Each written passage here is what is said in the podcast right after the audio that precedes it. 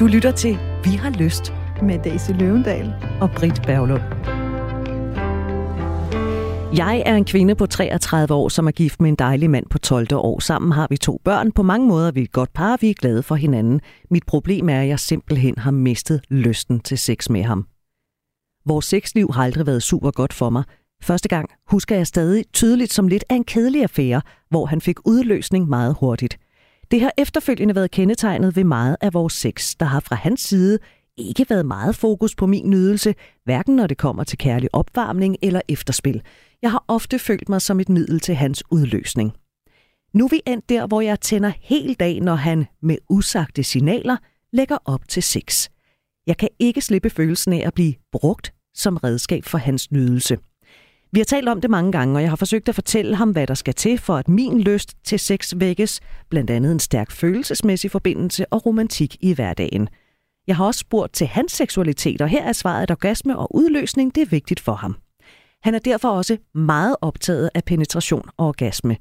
Det er også som om, han er meget oppe i sit hoved, når vi har sex, for ikke at komme for tidligt. Jeg har foreslået ham, at han kan øve sig på den for tidlige udløsning med øvelser, og også at det ikke har stor betydning for mig, så længe at jeg også føler mig og min lyst taget sig af. Han laver ikke øvelser, og han virker ikke til at kunne overskue arbejdet med at forbedre vores sexliv.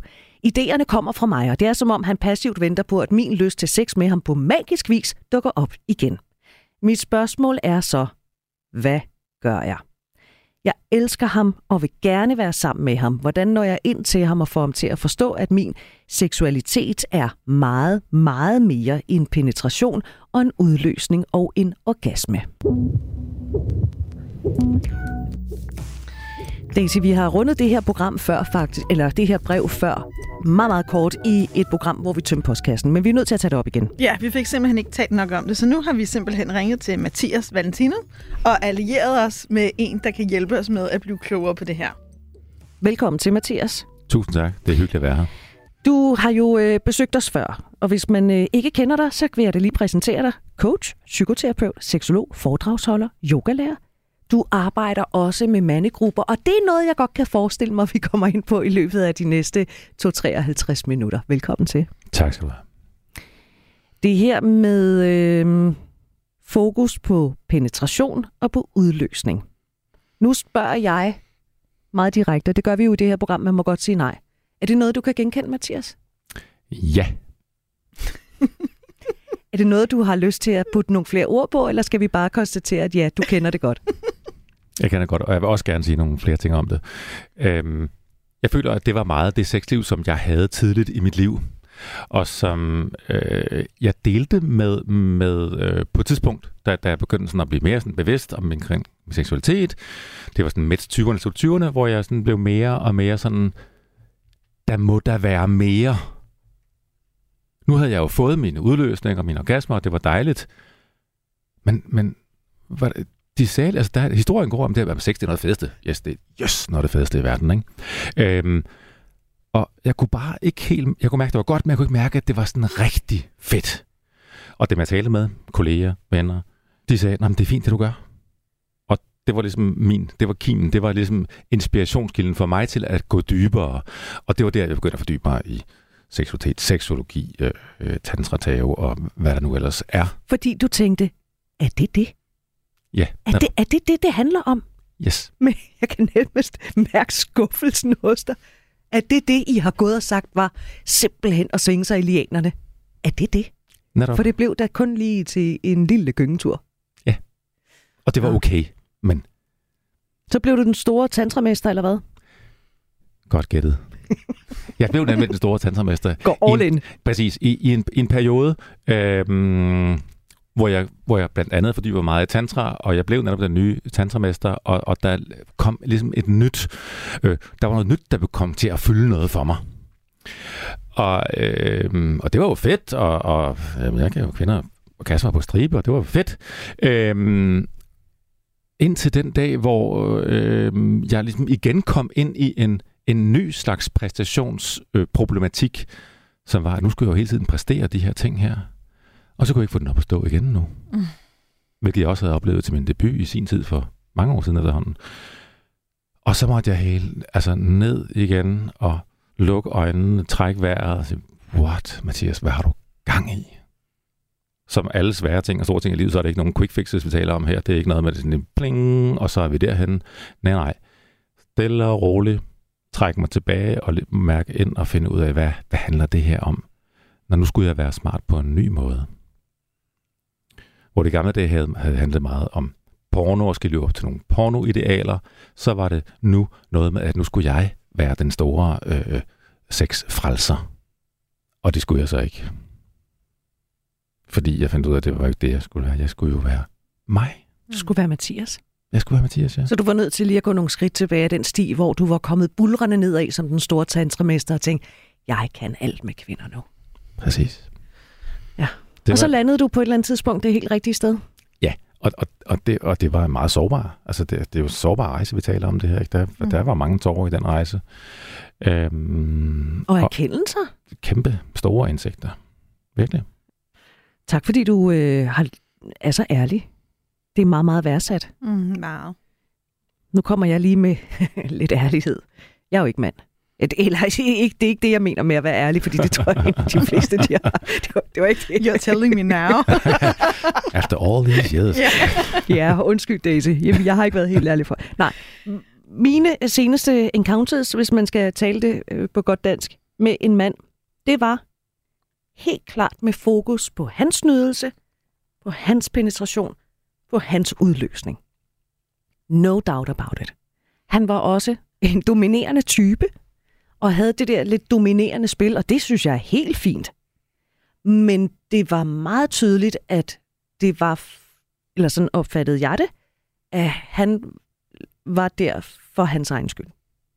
At det var ikke for min skyld eller en fælles skyld, det var i virkeligheden for hans skyld. Og det må jeg sgu indrømme, det havde jeg det lidt stramt med. Vi ses heller ikke mere. Nej, det kan jeg godt forstå. Ja, det kan jeg også.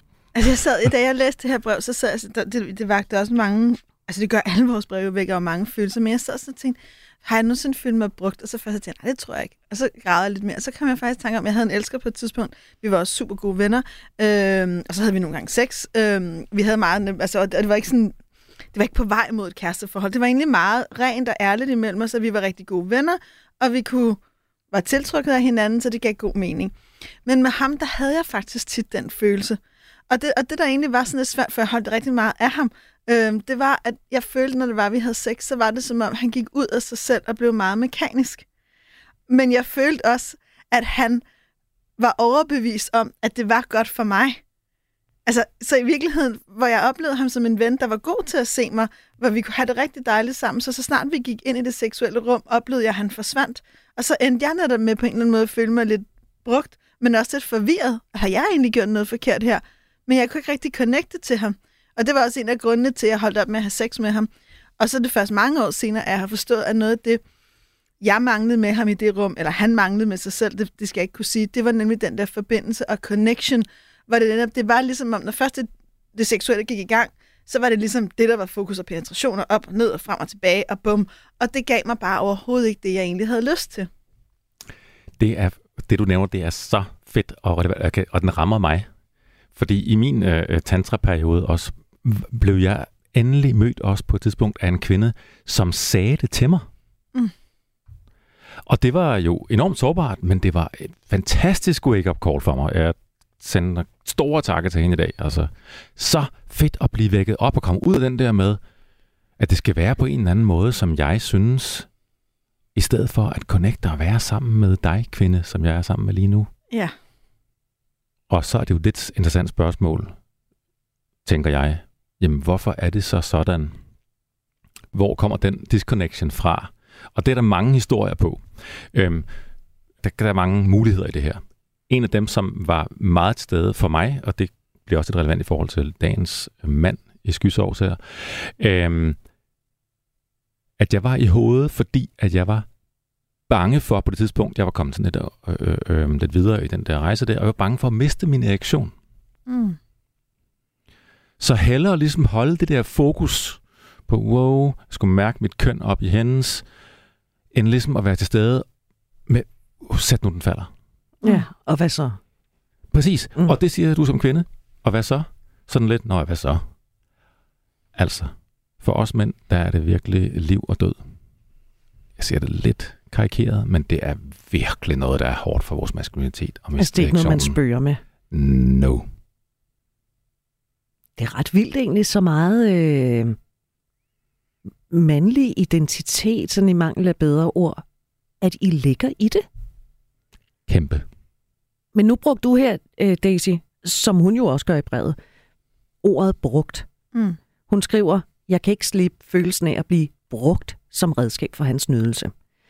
Det er hun jo ikke måske ene om, kan vi jo så forstå herinde. Vi er kun tre mennesker, men Sexus har faktisk også kigget på, øh, hvordan og hvorledes det ser ud med, hvorfor har vi egentlig sex sammen, ikke? og hvorfor, hvorfor mødes vi? Vil du øh, Nej, endelig. Nå. Take it away. på spørgsmålet, om man har sex øh, for at glæde sin partner, uden selv at have lyst. Altså, jeg vil gerne please dig. Jeg har ikke specielt meget lyst. Der svarer 45 procent af kvinderne, at de ofte eller indimellem har sex for at glæde partneren, uden at de har lyst. For mænd er det 31 procent. Så det er altså nogle flere kvinder. Næsten hver anden kvinde. Ikke? Og på spørgsmålet, om man har sex for at opnå orgasme hver gang, og det synes jeg faktisk er et interessant spørgsmål i denne her kontekst, der svarer 38 procent mænd ja. 19 procent kvinder. Jeg troede, da jeg kiggede i skemaet, at de 8, altså det var en trykfejl, at der skulle have stået 98 procent mænd.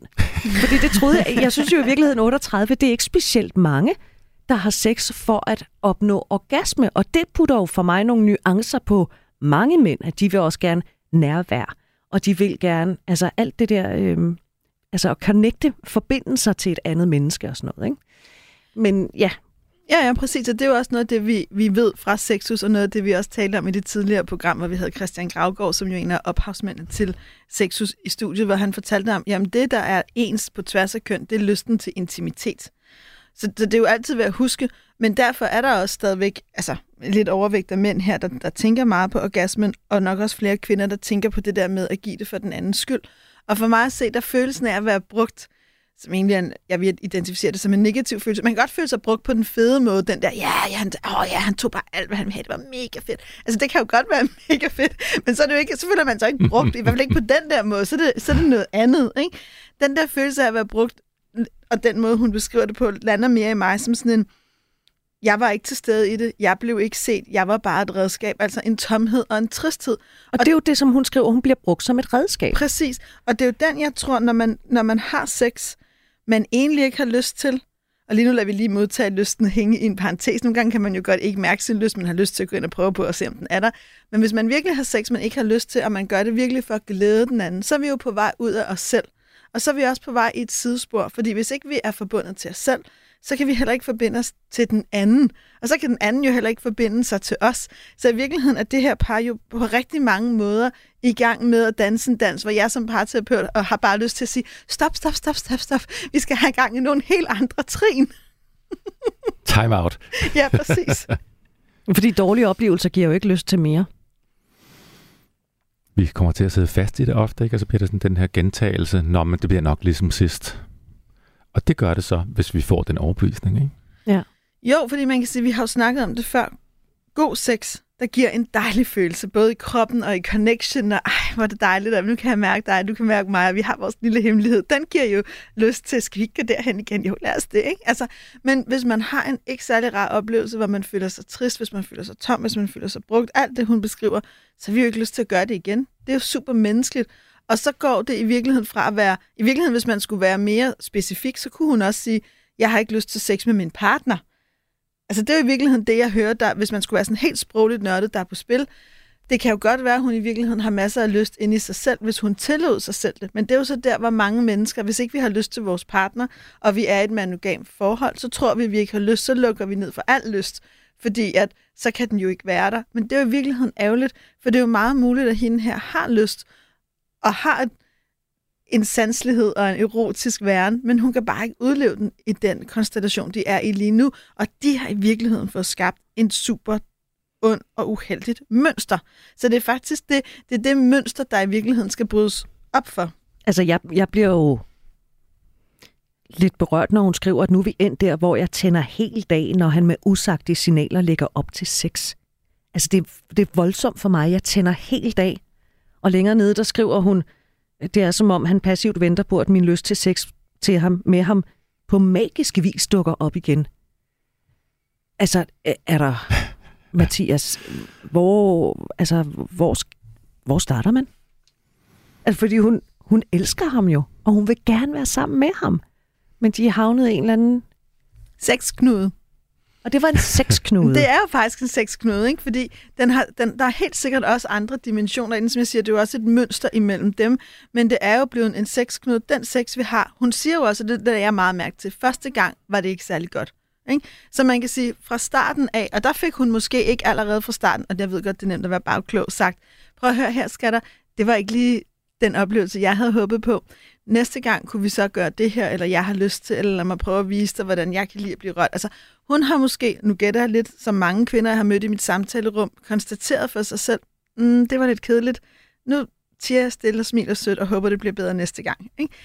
Og så er det jo blevet til dårlige oplevelser, der har givet hende mindre lyst, der gør, at han bliver endnu mere op i hovedet og tænker, jeg skal bare ikke komme for tidligt, for jeg har lært i pornoen, at det handler om at dunke dig ud af. Så han dunker der ud af og prøver på at lave noget penetration og venter på, at hun ligger og skriger, og det gør hun ikke, og hun får mindre lyst, og han føler sig mere afvist. Og til sidst har de begge to sluppet for den her store knude af dårlige oplevelser, er der ikke nogen, der har lyst til, og de aner ikke, hvordan de skal prøve på at løsne den op. Men det er vigtigt at forstå, der er ikke noget galt med ham, der er ikke noget galt med hende. Det her det er en knude, de har et fælles ansvar for at have fået strammet til. Så, og de kan jo ikke gøre noget om her, Mathias, altså med hensyn til fortiden. Men vi andre kan lære af andres historie. Så når hun starter med at skrive, vores første gang husker jeg stadig tydeligt som lidt af en kedelig affære, hvor han fik udløsning meget hurtigt. Var det allerede der, som Daisy siger, hun skulle have hejst et eller andet øh, flag og så sagt, hey, hey, hey, hey, hey, inden næste gang, der er noget, vi lige skal tale om. På den fede måde. Ja, altså igen lad os prøve at tage den væk fra egentlig dem lige et øjeblik her, men det her med den første gang, altså min klare erfaring at, er, at den første gang øh, sætter baren for, hvad der sker fremover. Det vil sige, har den første gang været okay, så kan vi godt op... Det er, det, samtidig også med erfaring, at det bliver bedre og bedre. Men er vi startet på et niveau, øh, øh, øh, som er okay, så kan vi godt komme op på et niveau, som er godt, men jeg har ikke erfaret selv, at jeg kom op der, hvor det virkelig ringer og spiller, og der er mange farver og stjerneskud, når jeg har haft en meget øh, middelmådig første gang. Mm. mm. Interessant, og, og, og lidt hård egentlig også sådan, og for mig at, at, at se, at det, øh, at det faktisk har været sådan. Og når den første gang har været god, øh, der har, været, der har åbningen været for, for, for, for, for den fest, det festlige fyrværkeri efter noget tid igen, for det sker ikke første gang jo, når vi møder hinanden. Nå, altså min, min erfaring, jeg har haft nogle første gange i mit liv, det vil jeg gerne afsløre. det er sket nogle gange. Det er ikke altid et festfyrværkeri, også fordi Nej. man er sådan, vi kender måske ikke rigtig hinanden super godt, og det er også sådan lidt akavet, og det er sådan lidt, uh, mm. så, øh, så jeg, jeg vil ikke kunne rate mine første gange. Men det skal jeg måske begynde at tænke lidt over, hvis jeg ikke vil have kedelig sex. det er, nu taler jeg jo, det er jo helt personligt, at det er mine erfaringer, det ja. her. Øhm, så, og jeg har også haft en del første gange. Øhm, og, og, og den holder hver gang. Og jeg har været sådan lidt irriteret over det, inden jeg konstaterer det, fordi, damn, er det virkelig så firkantet for mig? Og, og det er det. Og, så, og, og derfor ved jeg også meget, altså når første gang er god, som for mig overhovedet ikke begynder at være, at være på første date. Jeg, jeg er slet ikke til, at Nå, men lad os komme i gang så hurtigt som muligt. Nej, nej, lad os da simpelthen, hvem er det, jeg connecter med? Men når første gang så sker, så er det virkelig en meget, meget tydelig pejemærke på, hvor at det bringer mig hen. Mm. Så når den første gang er virkelig god, så er, wow, der er noget at bygge på, jeg kan mærke. Altså jeg vil sige, nu skal jeg lige tænke min egen første gang igennem, fordi jeg synes, det er et super interessant perspektiv, men jeg har ikke lige kigget på min historie igennem det. Men der er noget, der minder mig om, når du siger det, det er, at når vi, jeg ser alle relationer, når jeg, når jeg møder et par, der kommer ind i min klinik, så tænker jeg altid, hvad, hvad, hvad rum er der imellem dem? Ikke? Alle mennesker i alle relationer, så er der noget, vi kan tale om, noget vi måske godt kunne tale om, men ikke har talt om, og det her kan vi ikke tale om. Altså, kan I følge mig? Der, der er ligesom et eller andet, ikke? I de, når mennesker har etableret relationer, hvor der er store rum, hvor der er plads til mange ting, så er der ofte også flere muligheder, flere ting, vi kan gøre, flere ting, vi kan lege med. Ikke? Men hvis mennesker har et meget snævert rum, sådan lidt, at vi kan det her, og så er der rigtig mange ting udenfor, så er det lidt sværere. Så noget af det første, jeg i virkeligheden skal gøre som professionel, det er at hjælpe dem med at skabe et større rum. For det, jeg meget lægger mærke til, at tænker i det her brev, apropos det, du siger, det er, der har måske fra starten af været et lille rum, Hun har måske ikke fra starten af, ikke kun seksuelt, men i det hele taget vist ham. Det er også fordi, hun skriver både om sex, men hun skriver også om, at hun føler sig ikke fyldt op af kærlighed i hverdagen. Hun har måske ikke fra starten af været hudløst ærlig over for ham og sagt, det her det er hele mig. Jeg kan rigtig godt lide det her ved dig. Jeg har rigtig meget brug for det her. Jeg savner det her. Jeg synes, det er pisseirriterende. Altså, der har måske ikke været en stor ærlighed mellem dem fra starten, og det gør det jo også svært at have en stor ærlighed og autenticitet om det allermest sårbare, nemlig det seksuelle. Jeg er helt enig.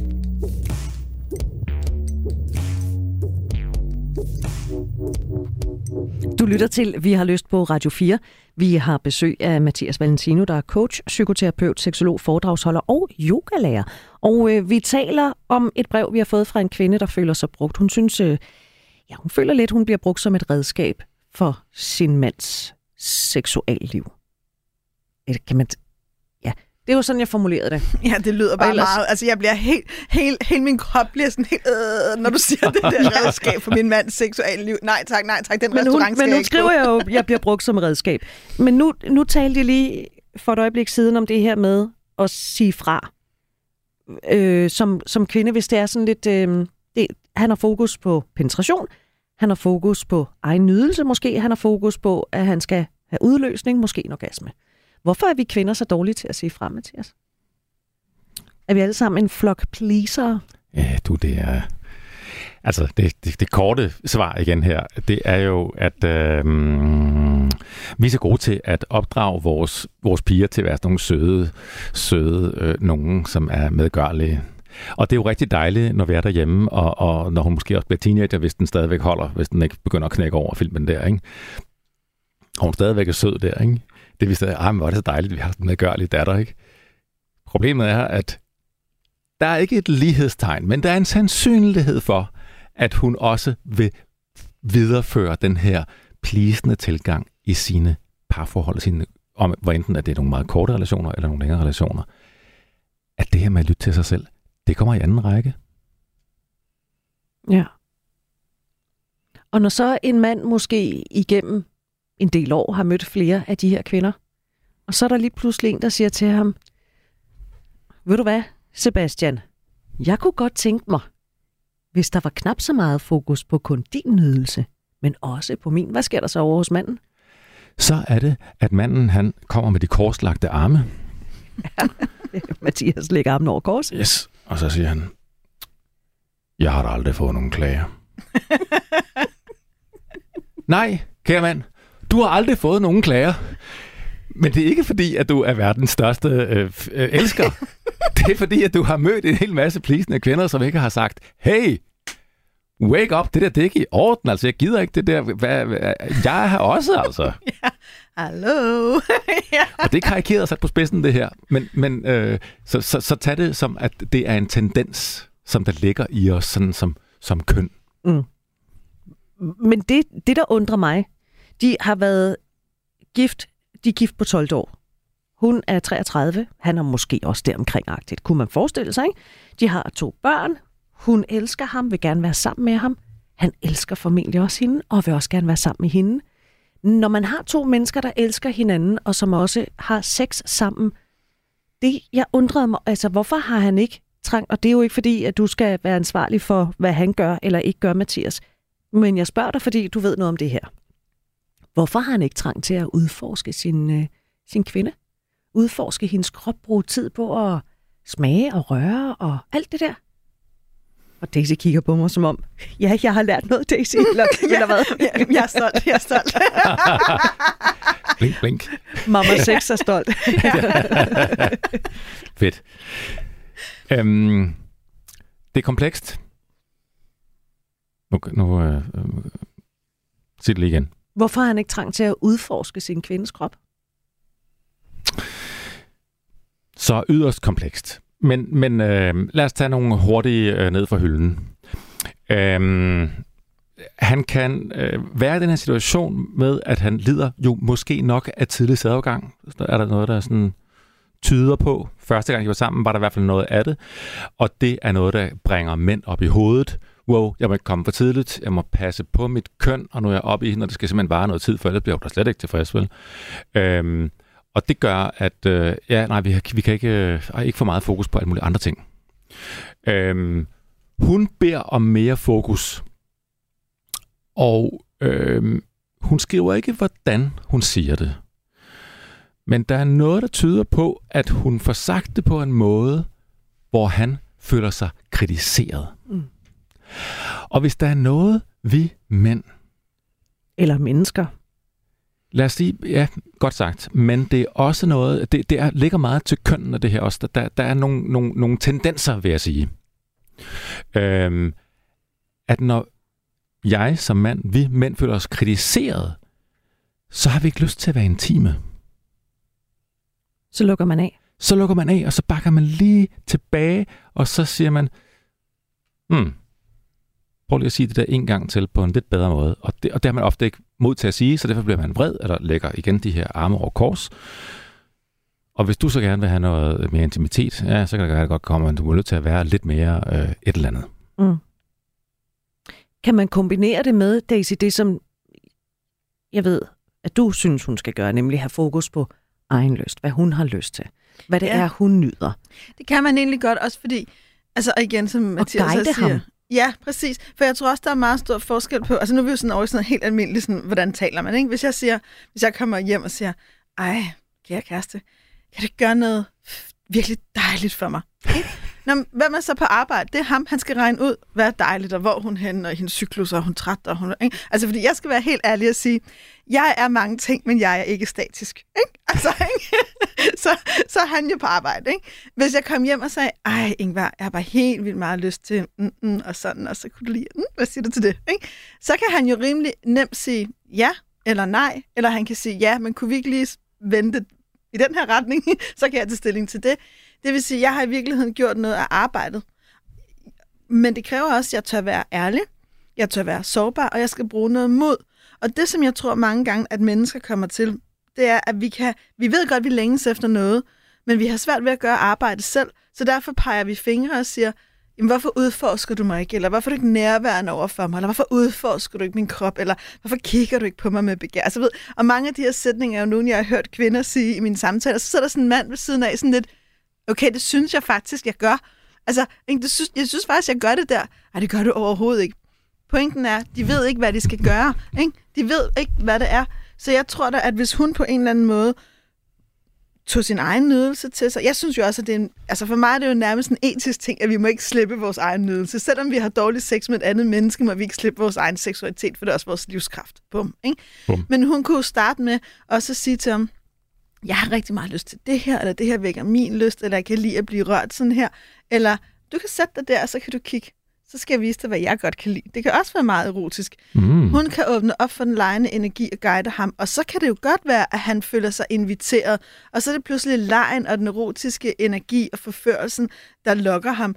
Hvor, når jeg læser det her brev, så tænker jeg også lidt, jeg er glad for, at jeg ikke er ham, fordi jeg ville da også føle mig forkert. Du kommer for tidligt, at du skal lave alle de her øvelser, og dem gør du ikke, og du giver mig ikke det nærvær. Det er jo ikke empowering. Det er jo ikke en invitation. Men så lad os lige tale om det der med, hun skriver, det er som om han er, og du har allerede været der lidt, Mathias, det her med oppe i sit hoved, når vi har sex, for ikke at komme for tidligt.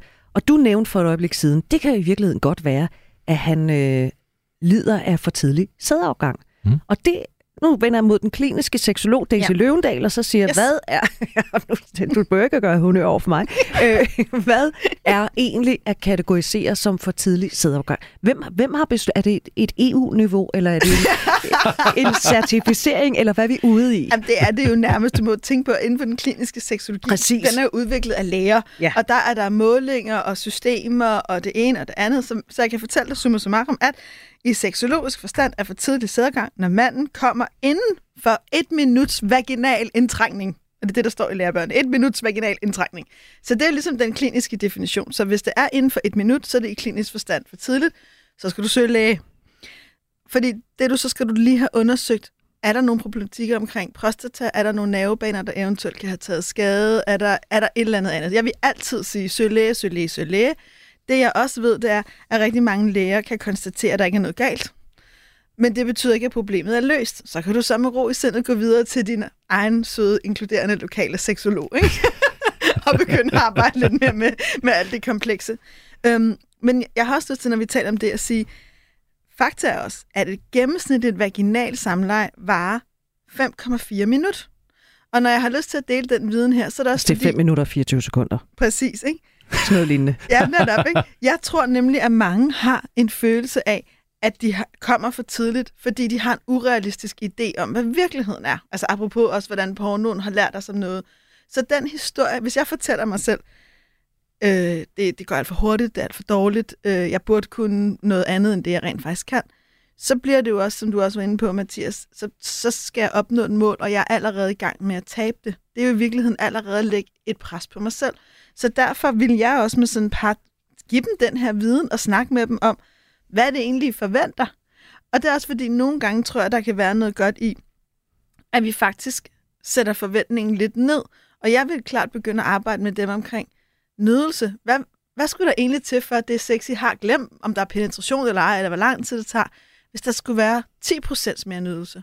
Eller bare 2% mere nydelse mellem jer? Hvordan ser det sted ud?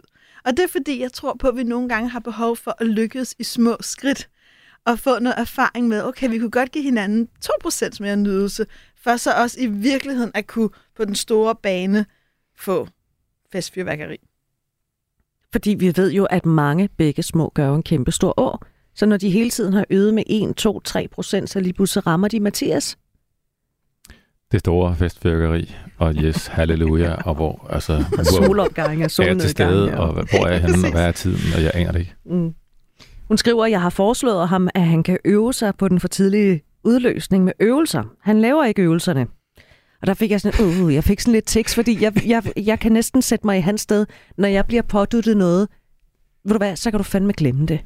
Du skal ikke fortælle mig, hvad jeg skal gøre, fordi det er simpelthen bare, og det er ligegyldigt, om det handler om madlavning, eller om det handler om, hvornår jeg skal vaske tøj, eller om det handler om, jeg skal lave øvelser for at få et bedre sexliv.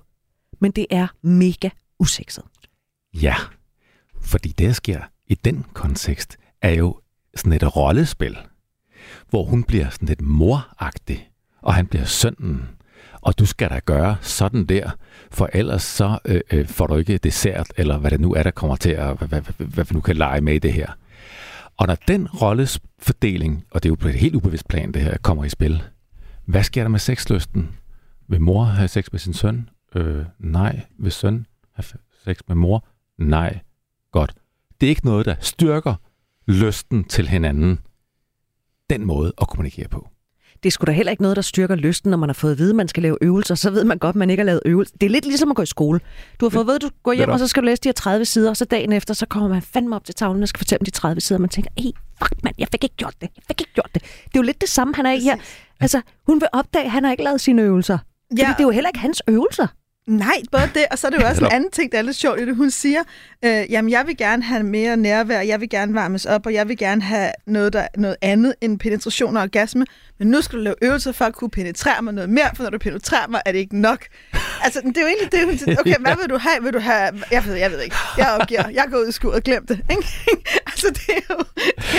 Ja, det er helt, det er helt på hovedet egentlig, ikke? Ja, præcis. Ikke? Og jeg tror jo, at det er fordi hun, nu ved jeg det ikke, nu gætter jeg, hun tror måske, at problemet for ham er, at han synes, han kommer for tidligt. Så tænker hun, hvis jeg kan løse det for ham, og allerede der, der er vi ude i den der mor-søn-problematik, der er super usekset, så kan han slappe af og være og give mig mere af det, jeg vil have. Og alt det, det giver bare direkte penispres. Ikke?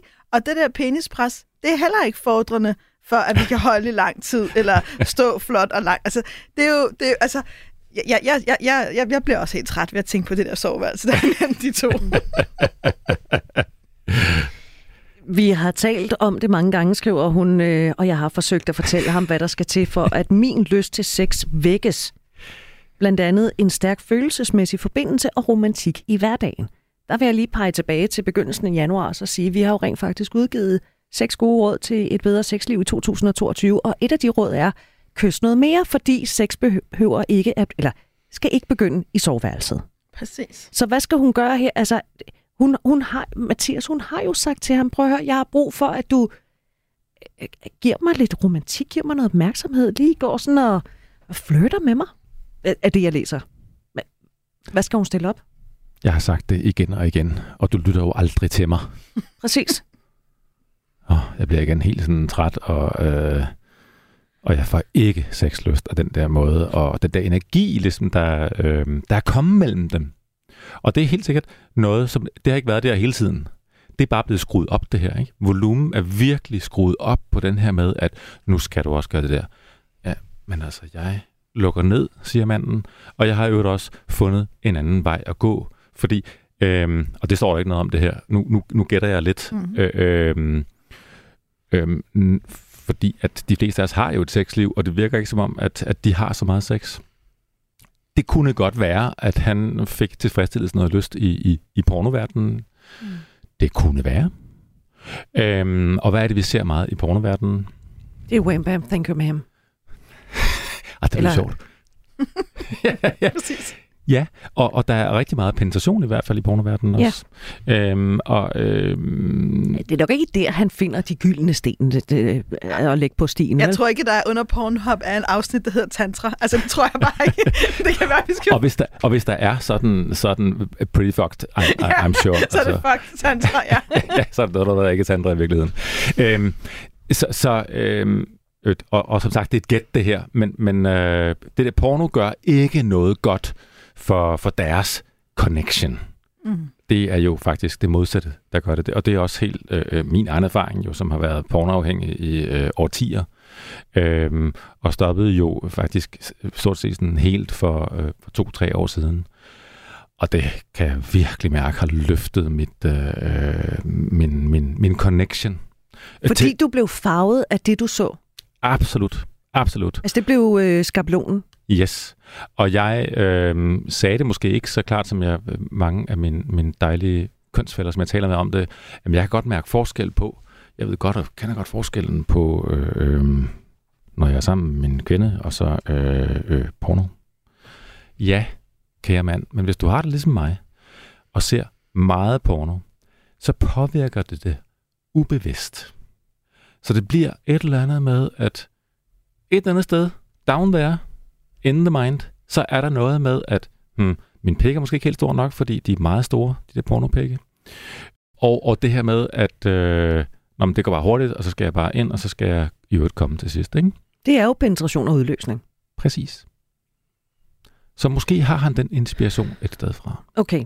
Hvordan når jeg ind til ham, spørger hun, og får ham til at forstå, at min seksualitet er meget, meget mere en penetration, en udløsning og en orgasme. Hvad skal hun gøre? Altså, det skal han vel forstå, Daisy? Jamen, for mig er det en præmis. Altså, for mig, for, altså, men det, og det er jo her, hvor man, alle andre ikke behøver at have det ligesom mig. Jeg kan kun tale for mig selv. Jeg gider ikke have sex med nogen, der ikke i et udgangspunkt har lyst til at forstå, hvem jeg er, og hvad jeg føler, og hvordan min krop fungerer. Det er bare min præmis. Altså, så man kan, og jeg tror, det er vigtigt i virkeligheden at gøre sig sine egne præmisser klart. Så, så jeg har lyst til til dig, der har skrevet, inviter dig til, prøv lige en gang at gøre dig klart, hvad er egentlig dine præmisser. Og apropos det, jeg også sagde før, din seksualitet og din lyst må du ikke ofre for dit parforhold. Den er din. Det er, en, det er en gave og en forbindelse, du har til din livskraft. Den skal du passe på. Når du så i virkeligheden starter med at tage dig dig selv, for det tror jeg også, hun har brug for, og de har også været sammen længe, også siden de var meget unge, det lægger jeg også et mærke til, så vil jeg sige, se til ham, nu skal vi have sex i en periode. Jeg trækker mig fra vores seksuelle forhold, fordi jeg vil gerne nulstille det. Jeg vil gerne give os en mulighed for at have en ny første gang jeg kan faktisk godt lide ideen om, at vi vælger hinanden flere gange, og vi har flere første gange, også måske med den samme partner. Så det synes jeg vil være en god måde at gøre det på. Hvor lang tid skal man trække sig? Det kommer jo lidt an på, hvor man er henne, og hvad der føles rigtigt. Men jeg ville nok, hvis jeg var den, der hvis jeg skulle anbefale hende det, komme med et bud på, hvor lang tid. Jeg vil måske sige, så nu tager jeg tre måneder for mig selv, og når jeg er nået dertil, så giver jeg dig ligesom en melding om, hvorvidt jeg har brug for mere tid eller ej. Ikke? Så man kan sige, at vi sætter en eller anden tid, og så ved vi jo ikke, hvor lang tid rejsen præcis tager. Så vil jeg anbefale hende at udfordre sig selv. Jeg vil også anbefale hende at fortælle ham om det. Og jeg vil også anbefale hende at give ham et indblik i, hvad der skete i hende. Både fordi det er sådan i forhold til vores relation og kærlighed, så det gør at kende hinanden. Kendskab er enormt vigtigt. Det er faktisk også noget det, vi ved fra videnskaben, at det at par har et kendskab til hinanden, er med til at gøre dem lykkeligere. Det kan også være super erotisk. Det kan være super erotisk i virkeligheden at vide, den anden har gang i noget. Altså, det kan også give lyst til det der begær. Jeg vil også samtidig frit sætte ham til at finde ud af, hvad han egentlig har lyst til. Gør, hvad du har lyst til. Altså, jeg snakker ikke nødvendigvis om at gå ud og knalde hele byen, men finde ud af, hvad kan du lide i din krop? Hvad, hvad er rigtigt for dig? Ha' nogle refleksioner, for eksempel, om porno, eller ikke porno. Jeg ville også, og kunne godt finde på at invitere ham i, eller sige til ham, jeg vil måske selv tage noget selvudvikling, det vil jeg også anbefale dig at gøre. Øhm, når I så er længere henne, og når du, hvis hun så ønsker at genoptage et seksuelt forhold til ham, så tror jeg, det er rigtig vigtigt at vise ham det. Virkeligheden viser ham også meget fysisk, hvad du godt kan lide, og invitere ham ind. Jeg kan godt lide at tænke på, at vi inviterer hinanden ind i vores seksualitet og ind i vores verden. Inviter ham ind i, hvad du godt kan lide. Og tal mere om det, du godt kan lide, det du gerne vil have, end det du ikke kan lide. Ikke fordi vi ikke godt må tale om det svære, men fordi det kan være så nedbrydende, og fordi vi også nogle gange for at få, for at få at vide, det der kunne jeg ikke så godt lide, har brug for at vide, jeg elsker, når du kysser mig, jeg elsker den måde, du kigger på mig på, jeg elsker den måde, du kan tænde mig på. Jeg er ikke så glad for, når du først penetrerer mig, for så synes jeg, det går for hurtigt. Men jeg elsker til gengæld, når du bagefter kysser mig på halsen. Altså, ikke for, at vi skal pakke det ind, men fordi vi også skal huske, jeg kan også noget her, så vi ikke bare lukker ned. Hvad siger du, Mathias? Jamen, øh, En time-out på tre måneder? Ja, jeg synes, det er et godt bud. Tre måneder var det, der kom til mig, og jeg var faktisk omkring, øh, det kunne godt være, det skulle være længere, altså måske seks mm. måneder. Øhm, og i forlængelse af det, som du siger så fint, Daisy, øh, at fokusere på det, som man gerne vil have. Mm. Fordi det, som vi fokuserer på, det vokser. Ja, præcis. Og det, som øh, hun skriver rigtig meget om her, det er, hvad der ikke fungerer. Og jo mere vi fokuserer på det, jo mere vokser det. Mm. Så øh, den her kombination netop, luk ned, luk det der rum og, og hold dig selv i det, i dit seksuelle rum og, og udforsk det. Wow, hvad foregår der derinde bagved? Ikke? Det kan også det der teater curtain der, man skal lige om bag. Nå, hvad sker der inde derinde? Ikke? Nå, hvad laver hun nu? Okay, jamen jeg har min egen aften her. Nå, hvordan øh, kærtegner hun sig selv? Og sådan noget. Wow, spændende, erotisk. Ja.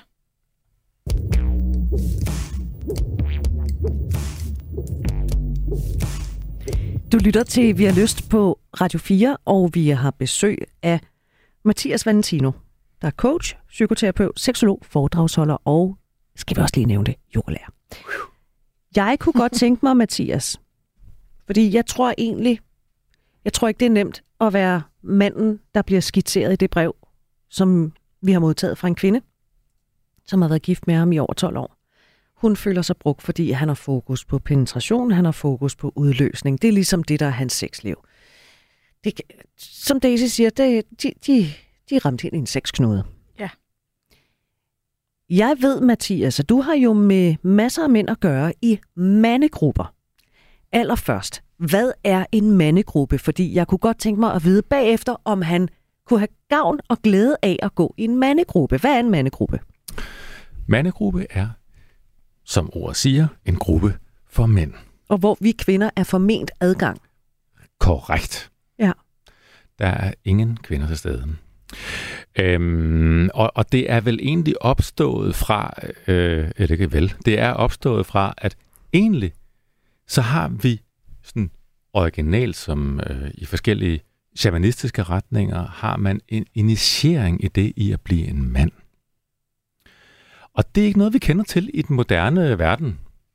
I moderne verden, så, jamen, så er vi jo bare, vi, vi har noget tilbage. Vi har en lille ting tilbage, som er, når vi er konfirmeret, så jamen, nu, nu, øh, nu, jamen, det var noget med, at så skulle man noget tjene og sådan noget, ikke? Ja, og i dag, hvad er det så? Jamen, så er det en fest med nogle penge, ikke? Øhm, men vi skal tilbage til det her med at blive initieret i det at blive mænd. Og hvordan gør man det? Kan man læse det i en bog? Ja, man kan læse nogle ting i en bog, men det er kun ved at være i kontakt med andre mænd hvordan, for at lære, hvordan det egentlig er at være en mand. Og, og det var originalt set The Elders, det vil sige de virkelig erfarne, ældre mænd, der lærte det videre til de yngre mænd. Øhm, og det, ja, det er, det er ligesom setup'et i en mandegruppe. Det er, om, hvad, hvad er det at være en mand? Er det... Øhm, øhm, øh, det, det kan, vi kommer egentlig fra nogle forskellige steder, vil jeg sige, os mænd. Nogle af os er meget pleasende nice guys, og nogle af os er, er de afstumpede øh, Mr. Macho Man. Ikke? Fuck boys. Præcis. Øhm, begge sider higer efter at blive integrerede mænd. Det vil sige at have adgang til både at sige, hvad være helt klar i spyttet og sige, bum, det er sådan det skal være, og også at sige, nå okay, jamen lad mig lytte til dig, kvinde. Og det er jo i høj grad også det, som jeg lige trækker den lige tilbage vores, til vores øh, lytterbrev her i dag her. Øhm, hvordan at hun udtrykker nogle ting, som for os mænd meget, kan være meget svære at håndtere, og hvor vi meget hurtigt går i løsningsmode. Øh, hvis du har et problem på dit arbejde, så skal du bare gøre sådan og sådan og sådan. Øh, har du et problem med det og det, så skal du gøre sådan og sådan og sådan. Og så er det, at vi får en kvinde, som siger, jamen min mand forstår mig ikke. Han lytter ikke. Præcis. Og manden river håret ud af sit hoved. Vi kan se, jeg har været der en del. Jeg har ikke noget hår på hovedet. Øhm, og, og, og den eneste, og problemet for os mænd, det er, at det går ikke med den løsningsorienterede holdning, når vores kvinde kommer og fortæller os om nogle problemer. Vi er til at lytte, lytte til hende. Nå, men det er for at sige, at, at det er begge sider. Det er en balance, som vi leder efter. Os mænd. Og hvad, hvordan, hvordan gør vi så det? Hvad, hvad sker der i en mandegruppe? Øhm, ansvar, der, vi taler meget om ansvar. Vi taler meget om ærlighed. Hvor mange er man, når man er samlet i en mandegruppe? Altså, hvor mange skal man sidde og blot sig over for? Jeg, jeg vil sige minimum syv. Og øh, jeg vil sige, at det, tallet skal ikke være meget højere end øh, i, i, op i 20'erne. Nå, okay. Ja, ah, ah, dog, nej. Øhm, det skal ikke være en, en, en kæmpe gruppe. Det, det, det fungerer. Det, det vil være en anden slags mandegruppe så. Ikke? Men, men øh, klassisk mandegruppe er det her. Det er en intim gruppe, hvor man deler fra hjertet om, hvad der foregår. Og, og, og det er jo det, der er meget stort problem for de fleste mænd i dag, hvor ved karikeret bliver meget locker room snak. Nå, hvordan går det til, at jeg scoret i weekenden? Jeg er, på jeg er så knæppet i handlæger, så yes, er ikke sej. Åh, kraftet med gode patter, mand. Ja, præcis. Mega fed. Du var den der fede D-skål, altså. Hallo, mand. Øhm, Okay, nå, jamen spændende, ja. Hvordan, øh, hvordan, hvordan connecter I egentlig sådan? Hvordan øh, har I nogle fælles værdier og sådan, og hvordan er det? Og, nå, okay, nej, men det taler vi ikke så meget om, vel? Øhm, og, og, har vi et problem med, ja, men jeg kan, jeg kan, jeg kan rigtig få det op at stå. Sagde du, du ikke kan få den op at stå? Ej, det, det taler vi ikke om her. Altså, det, det er helt ved siden af. Ikke? Det, det kan man ligesom ikke tale om. Og øh, så tager man jo bare, så kommer man til lægen og tager nogle, noget, nogle piller, ikke? og så er den klaret. Ikke?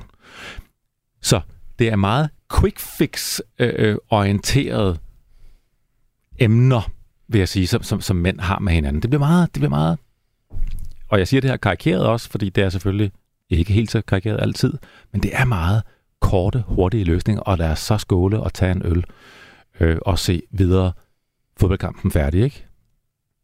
Har, har vi hørt nok nu? Ja, nu har vi hørt nok. Godt, fint. I forhold til det her med det her problematik, som vi bringer op, det er det, jeg mente. Ikke? Mm. Okay. Så, så når man som mand kommer i en mandegruppe, det er der, man virkelig har, har øh, mulighed for at tale med andre mænd og finde ud af, at man er ikke den eneste, der synes, at livet nogle gange kan være lidt op ad bakke. Der kan være nogle bump på vejen. Hvor, hvor nemt er det som mand at så ligesom tage den, nu siger jeg erkendelse, på sig, og så sige, det kunne godt være, at jeg skulle opsøge en mandegruppe. Opsøge 7, 8, 10 andre mænd, jeg overhovedet ikke kender. Og så sidde og, og fortælle, altså, hvor nemt er det som mand? Det er svært. Det er meget svært. Vil han have glæde af det, manden, vi, vi taler om her, som øh, hvis kone har skrevet? Der er så slet ikke nogen tvivl om, at han vil have rigtig godt af det. Øhm, det, der jo sker i sådan en mandegruppe, konsekvensen er, at man får nogle meget dybe mandevenskaber, hvor man jo kan tale om alting, og man, man, man får meget hurtigt den der følelse, at okay, jeg kan være sårbar, jeg kan være ærlig, og jeg kan stadigvæk har stadig følelsen af, at jeg bliver holdt, og jeg bliver mm. støttet af mine venner. Der er ikke noget med, at jeg skal være på en bestemt måde. Det er stort. Det er mega stort. Men jeg tror faktisk også, at noget det mange mennesker trænger allermest til i vores tid, det er fællesskab. Altså det er følelsen af samhørighed og ærlighed over for andre. Og så kan man sige, det er jo lidt sjovt, jeg laver kvindegrupper, gjort det i en del år, som er jo lidt, og, og der er en ting, jeg godt vil tilføje til alt det gode, du har sagt, og selvom historien om kvinder er noget andet, så er der også meget det samme. Noget, jeg har tænkt mig over, det er, at folk også får et rum til at øve at have et privat og intimt sprog. Lidt ligesom der, I sagde før, god patter og det skål, eller ah, han var bare mega hot, eller hvad man nu siger. Der er rigtig mange mennesker, som har svært ved at tale meget ærligt om deres intime følelser og behov.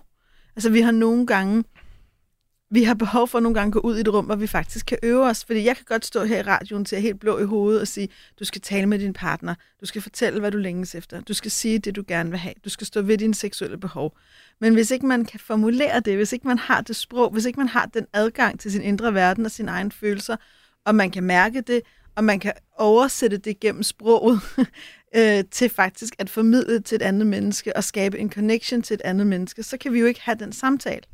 Og det er jo det, vi nogle gange har behov for at øve, fordi det kan være sindssygt svært. Ikke? Og det er jo også det, for eksempel her, så sent som i går, havde jeg et par, som jeg har haft on and off igennem flere år, hvor, hvor det han meget siger til mig, det, det han har fået ud af de år, han har været hos mig, det er, han kan fikse alt i finansverdenen. altså det er han ret god til, men han har aldrig før han begyndte i terapi, skulle bruge så meget energi på at formulere, hvad der egentlig er inde i ham. Det er et ukendt. Han siger, det var aldrig nogen, der har bedt mig om. Jeg har bare været god til alt. Jeg var pissegod til håndbold, jeg var pissegod i min familie, jeg var pissegod på handelsskolen og på CBS og i mit arbejde, og jeg løser og jeg fikser. Men det er super nyt for mig, at der sidder en og bare siger, og hvad følte du så, da det skete? Og hvordan mærkede du så det? Og hvad tænkte du så over det? Altså det der med at blive holdt fast i det rum. Og finde et sprog for og at forklare sprog, det. Præcis, og det er ligesom forudsætningen for, at vi kan tale med hinanden om noget, der vi har et sprog for det, der er i os. Så det er jo det, vi nogle gange øver i det terapeutiske rum, det er det sprog. Og så kan vi selvfølgelig også øve det i vores sportsklub, eller med vores venner, eller på vores arbejdsplads. Vi kan jo principielt øve det i alle mulige sammenhæng. Det er bare ikke altid, de sammenhæng er der. Og det er ikke altid lige nemt i de andre sammenhænge. Præcis. Nå, fordi præmissen er jo, når I mødes, jamen så mødes I jo mandegruppen for at tale sammen, for at bakke hinanden op, for at, at hjælpe hinanden og have hinandens ryg. Præcis. Det er det, der er præmissen, og det er det ikke nødvendigvis nede i fodboldklubben eller til rugby. Netop. Ja.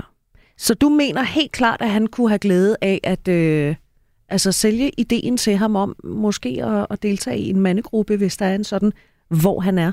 Øh, at, hvor udbredt er mandegrupper? Der sker jo noget. Der har jo været kvindegrupper, kvindecirkler i, øh, i, i, i, i mange år, mange årtier. Og det er også vokset. Øhm, og, og i slipstrømmen på det, er der bestemt også begyndt at komme noget mere åbenhed omkring mandegrupper. Jeg oplever, at der er mere fokus på det, end der har været før. Og det er helt fantastisk. Og, og, og så dejligt at, at være med i. Og, og, og det er stadigvæk, altså, og når det er sagt, så er det jo stadigvæk altså, småt. Ikke? Når du taler med de fleste mænd om det, oplever jeg, at det, om det lyder meget interessant, ja, men det er ikke noget for mig, fordi jeg har ligesom nogle andre ting, der er vigtige, ikke? Hvad, hvad er vigtigere end dit liv? Nå. Ja. Mm. Så han kunne godt have gavn af at gå i mandegrupper. Og Daisy, du siger, det kunne være smart, hvis hun øh, trak stikket i tre måneder, så sagde, nu er jeg simpelthen nødt til bare lige at, at, at tænke på mig selv, udforske mig selv og min egen lyst. Hvad har jeg lyst til? I minimum tre måneder, måske det bliver længere. Ja, præcis. Også for at give dem muligheden for at have en ny første gang. Altså i virkeligheden at sige, nu har vi været sammen i mange år, og vi har også fået, de her har jo også fået øh, øh, nogle børn, to børn, og de er gift i 12 år, og de var unge. Jeg tror faktisk også, at det er vigtigt, også i et længerevarende parforhold, at man nogle gange går lidt ud af det. Og så er der forskellige definitioner af, hvor man går hen, når man går ud, og hvor langt væk man går. Men det der med lige også trække sig lidt og sige, nu mærker jeg lige mig og tager ansvar for mit. Jeg håber, du tager den her periode til også at mærke dig at tage ansvar for dit Den invitation, dit håb. Du skal ikke blande dig i det. Så du også måske kan mødes igen og have den her, nu mødes vi første gang efter den her periode. Nu mødes vi et andet sted fra. Også fordi jeg tror, det er vigtigt, når man, hun har gået i mange år og fortalt sig selv en historie. Hun har i 12 år fortalt sig selv en historie om, at han er lidt kedelig i sengen. Det kræver jo også, at hun slipper den historie og resetter, så hun kan møde ham som en mand, hun måske ikke ved, hvordan er i sengen og derfra få nogle andre oplevelser, nogle andre historier med ham, som kan bygge dem op i et andet lys. Men det kan hun ikke bare fra, fra den ene dag til den anden. Det er derfor også, at den her pause nogle gange giver os lidt den her afstand, så vi kan møde hinanden et andet sted fra. Og så skal hun huske at fortælle ham, hvad hun godt kan lide, hvad han gør rigtigt. Præcis. Mathias Valentino, coach, psykoterapeut, seksolog, foredragsholder og yogalærer. Jeg, kan, jeg elsker du yogalærer, derfor er jeg nødt til at nævne det hele tiden. Mm. Øh, vi når ikke mere i denne omgang. Men sidst vi havde besøg af dig, Mathias, der talte vi jo kort om utroskab og det til, med at gå til bekendelse. Det har udløst en dårlig samvittighed hos en af vores lyttere. For mange år siden, der havde han et enkelt sidespring, men først nu, efter han har hørt, vi har lyst, at han fået dårlig samvittighed over for sin kone igennem mange, mange år. Det brev, det vender vi i Vi har lyst til mere, som er et miniprogram, der kun udkommer som podcast. Og det gør vi øh, på tirsdag, så husk at hente podcasten eller at podcaste os. Abonner på os, det er det, det hedder, ja. hvis du ikke allerede gør det. Og så vil jeg sige, at alle tidligere udsendelser kan du altså også høre i Radio 4's app, hvor du også kan høre selvfølgelig Radio 4's andre programmer. Mathias, tak for i dag. Selv tak. Programmet det blev produceret for Radio 4 af Only Human Media.